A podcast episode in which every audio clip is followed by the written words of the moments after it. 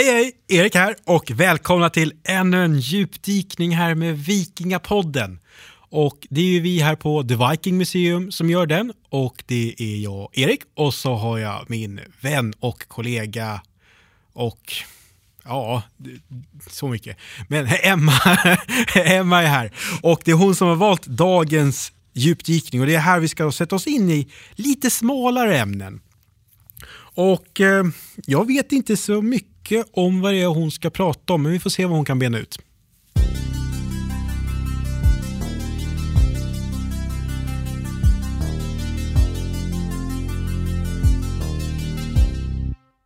Men Emma, vad är det du ska prata om idag egentligen? Jo, idag hade jag tänkt att prata om ett av mina favoritämnen och det är human osteologi. Och eh, då kanske ni tänker, vad är det? Eller så vet ni faktiskt vad det är, så grattis i så fall. Det låter som en väldigt bra grej att lägga i alfabet. Jag trodde du skulle säga att man skulle lägga på mackan. Ostskämten var tillbaka. Jaha, liksom. nej. Jag har... Du har gått förbi dem nu? Ja. Mm, vad skönt. Nej, men för att som vi kanske har sagt förut, det är ju att jag är ju då en osteoarkeolog. Och en osteoarkeolog är ju en person som är en arkeolog men som också håller på med skelett. Och när man pluggar osteologi eller är osteolog så kan man ju välja att antingen hålla på med human osteologi, vilket är då människoben, eller animal osteologi som är djurben förstås. Och jag har ju valt att specialisera mig på djurben. Och eh, det är kan jag säga ett helt annat avsnitt. För det, där kan man prata om att grotta ner sig. Men jag tänkte att vi skulle fokusera på human osteologi idag istället. För det är onekligen det som lockar människor mest faktiskt. Och det är ju läran om människoben. För det är många som frågar hur man ens, vad, vad gör man? Hur, hur vet man, vad är det för någonting? Och det är ju så att eh, om man pratar human osteologi så är ju tanken att om vi låtsas nu att man har ett skelett framför sig så är ju tanken att personen, osteologen, ska kunna säga vad det rör sig om för kön. Det vill säga, var den här personen en man eller kvinna? Hur gammal var personen när den dog? Och har personen eventuellt några skador eller sjukdomar eller andra saker som kan eh, berätta mer om hur den här eh, personen var eller hade det när hen levde? Och det är ju en väldigt, väldigt spännande lära måste jag ju säga, även om jag är väldigt partisk förstås. Men så när jag pratar om såna här saker, att jag berättar att ja men där kunde vi se att det här var ju en tjej och hon var ju runt 18-årsåldern och kanske hade lite karies eller så. Då brukar folk se lite förvirrade ut och tänka hur sjutton kan du veta det och vad, vad, är det du, vad gör du liksom? Och jag förstår att det här för er lyssnare kommer bli lite lurigt eftersom det man gör när man är osteolog det är att man tittar ju, man känner ju på benen. Och det är svårt att förklara i bara genom att lyssna men jag ska göra mitt absolut bästa för att ge någon form av grundlig överblick. För att det de flesta frågar är ju hur sjutton vet du om det är en man eller kvinna? Och då tittar man främst faktiskt på kraniet eller på bäckenbenet. Och då har man så kallade mätpunkter. Så på kraniet så finns det, jag tror att det är 12 mätpunkter och på bäckenbenet ungefär lika många, inte riktigt lika många, men nästan. Och så graderar man dem helt enkelt i en skala 1 till 3 eller 1 till 5 beroende på hur skarpa de är eller hur mjuka linjerna är. Så här mycket som en osteolog gör det är faktiskt att känna på kanter. Och tittar ni, om ni nu sitter och lyssnar på det här, så kan ni faktiskt känna på er egen ögonbryn. Om man känner på det benet där så kan man känna om det är en rundad kant eller en rätt vass kant. Eh, och jag hör, jag kan nästan känna hur ni alla gör det nu. Kan. Och det är sådana där saker som man tittar på. Vad sa du Erik? Jag kan flika in att både jag och Tobbe sätter oss och bildar i våra ögonbryn just nu. Och jag bara säga till folk, var försiktiga så att petar i ögat. Precis, snälla peta inte ur ögonen. Eh, men det är sådana här saker som eh, osteologer gör. Vi måste känna för att se hur vasst det är, hur mjukt det är, hur rundat det är. Eh, vissa saker graderar man helt enkelt i hur liksom korvigt och körvigt det ser ut. Eh, och det ju, låter ju jättekonstigt, men det är sådana saker vi tittar på. Och just det här exemplet med ögonbrynsbågen, det är ju lätt för oss att göra nu, det kan vi känna själva. Men en hel del av de sakerna som vi tittar på är ju sånt som, för att inte bli för grafiskt nu, det är sånt som man inte kan se om man fortfarande har liksom levande delar kvar på kroppen. Om ni förstår vad jag menar.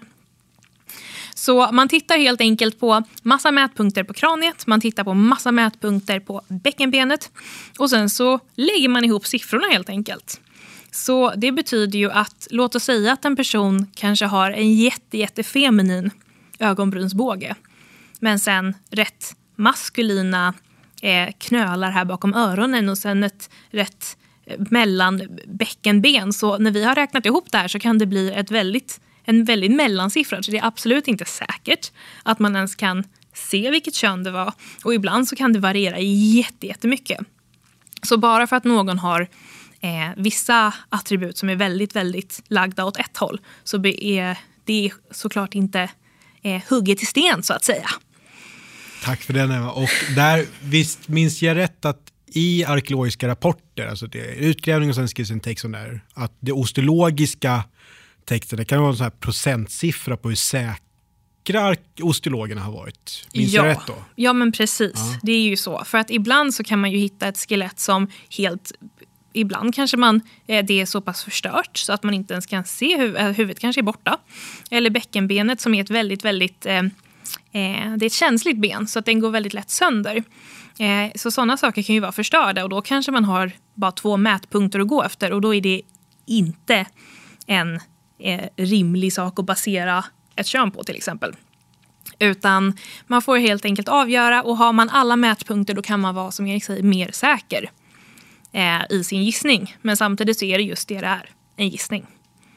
Eh, så att sådana saker kan man ha när man tittar på kön. Man kan även mäta omkretsen och dylikt på våra lårben. Funkar också jättebra. Eh, men egentligen, om man ska göra en riktigt ordentlig osteologisk analys så måste man lägga ihop alla de här olika parametrarna för att det ska bli bra. Och I en drömvärld så ska man ha jättesnygga lårben, man ska ha ett helt bäckenben och man ska ha ett helt kranium. Och som osteolog så är det väldigt, väldigt sällan man får allt det här i väldigt gott skick. Och det är nästan på samma sätt som man faktiskt kör ålder också. Vi tittar på mätpunkter. Eh, och här kan man ju trötta ut er i, i jättelänge med massa eh, superingående eh, saker. Men bara lite kort så är det ju så att när man föds så är ju kraniet i, alltså skalltaket i, i delar. Så spädbarn då, de har ju ett ganska mjukt kranium för att skelettdelarna inte har växt ihop än. Utan det växer ihop allt eftersom man blir vuxen.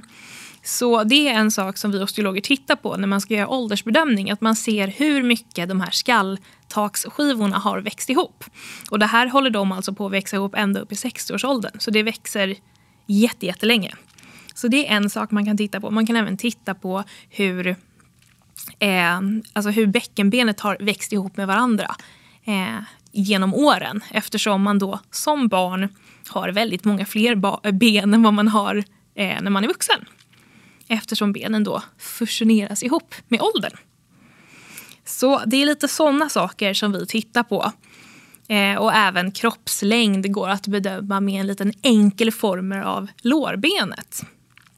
Så mycket osteologi är ju helt enkelt matte bland annat. Och formler. Matte och formler, jag vet. Och det är lite roligt faktiskt för att förr i tiden så var ju osteologi en naturvetenskaplig inriktning. Eh, och det är lite lurigt eftersom man som osteolog måste ändå lära sig rätt mycket om arkeologi som är en samhällsvetenskaplig eller en, en eh, vad säger man? Humanistisk. Humanistisk eh, inriktning. Eh, så att det var faktiskt inte allt för länge sedan som man ändrade om att osteologi blev en humanistisk inriktning. Så att man inte längre behövde den här naturvetenskapliga grunden för att bli osteolog. Eh, eftersom det är lite tvärvetenskapligt.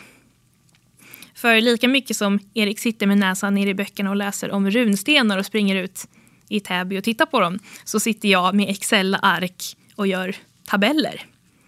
Eh, för det är lite så som Eh, så som osteologer måste jobba helt enkelt. Och sen så är det ju det här med att vi tittar ju på skador och sjukdomar och sånt och det är ju så ofantligt spännande. Men det tror jag nästan krävs ett eget, ett eget avsnitt faktiskt, just det här med skador och sjukdomar. Eh, och det där är ju faktiskt en ganska vanlig fråga som jag brukar få. Att folk kommer och frågar om, om man kan se, kan man se att den här personen var förkyld? Eller kan man se att den här personen gjorde något speciellt? Och om man ska vara helt ärlig så är det ganska få sjukdomar och skador egentligen som, ni får ju tänka att det ska gå ända ner i benet.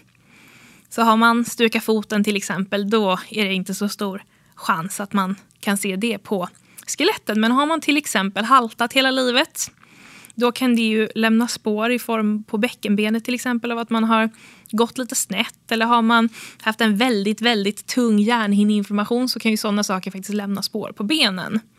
Men det är ju långt ifrån alla skador som gör det. Jag funderar, finns det någonting som du som osteolog känner, det här borde vi kunna ta reda på, men det kanske är i framtiden? Alltså finns det där, vad, någonting som du känner, det här borde man kunna se på skelettet? Ja, alltså en, en sak som jag är väldigt, väldigt intresserad av och det vet ju Erik mer än eh, väl då, det är ju att jag har intresserat mig väldigt mycket för någonting som kallas spongiosa.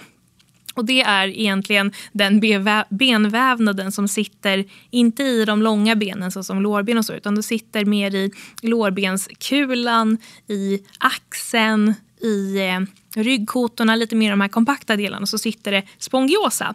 Och det ser ut lite som, ja Erik, hur ska man förklara vad spongiosa ser ut som? Jag tänker lite grann som en disksvamp. Jag kan bara säga att innan någon googlar det här, om du är en sån person som verkligen inte gillar att se små, små hål, det finns ju en fobi för det där, ja, googla inte på spongiosa. Nej, för det är precis det det är, det är små, små hål eh, som egentligen, eh, ja, som man har i kroppen och det har alla. Och jag eh, har ju undersökt rätt mycket om sånt med djur. Hur man skulle kunna särskilja olika bendelar med vilken spongiosa det är. Och jag tänker eftersom spongiosadelarna är det som tar så mycket stryk. Axlar, knäskålar, eh, höftkulor och sådana saker. Så tänker jag att om man skulle kunna ge sig sjutton på det så kanske man skulle kunna utläsa lite mer om vad, vad kroppen har varit med om av att eh, läsa ur den här spongiosan och se om den liksom förändras med tid eller om den ser annorlunda ut under ett väldigt högt tryck till exempel. Lite sådana saker kan jag fundera på. Mm. Eh, och det kanske inte var det äggande svaret som du var ute efter. Jag är jättenöjd. Vilken tur! Ja. Eh, och sen ska jag bara föra in här lite snabbt att eh, jag brukar ju oftast ta upp det här med diet. Att jag, man kan se eh, hur vilken typ av kost som personen åt på skelettet och sådana där saker. Och då tänker folk, men gud, kan man se att man är vegetarian på hur långa ben man har till exempel? Och det är ju inte det jag menar. Utan det är ju så att man faktiskt kan ta olika analyser, både DNA, isotoper och sånt, av benen för att läsa ut jätte, jättespännande fakta. Eh, men det kan jag absolut inte ta åt mig någon ära för, utan jag kan bara skrapa loss proverna och sen så ger jag dem till mina kollegor som jobbar inom laborativ arkeologi, vilket är ett jättespännande forskningsfält som kan ge otroliga svar. Men det är tyvärr ingenting som eh, jag har någonting med att göra. Eh, men även det förtjänar ett eget avsnitt kan jag tycka.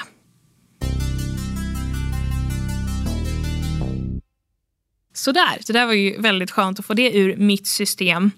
Och eh, här märkte jag att tiden sprang iväg när jag fick prata om osteologi så då kan ni ju bara ana vad som kommer hända om jag får gå lös på min animala osteologi som faktiskt är det jag tycker är mest spännande. Ja, och jag ser väldigt mycket fram emot att höra det också, Emma. För det är bara rent egen synvinkel att jag kan stirra mig blind på vad jag tycker intressant. Alltså, jag tycker mycket intressant, men just det som jag vill rikta in på. Men det är ju eh, nyttigt att få höra de här grejerna också. Och jag kan väl ärligt säga att osteologi, jag har försökt snöa in på det, satte sig inte riktigt och nu är jag jätteglad att jag får sitta här och lyssna på dig. Och jag kan också bara flika in att vi sitter här på varsitt sida om ett bord och att ha någon som spänner blicken i mig och pratar om människoskelett är också en ganska intressant upplevelse. Men stort tack Emma för att du delade med dig av det här. Stort tack Tobbe som sköter det tekniska och stort tack till er som lyssnar.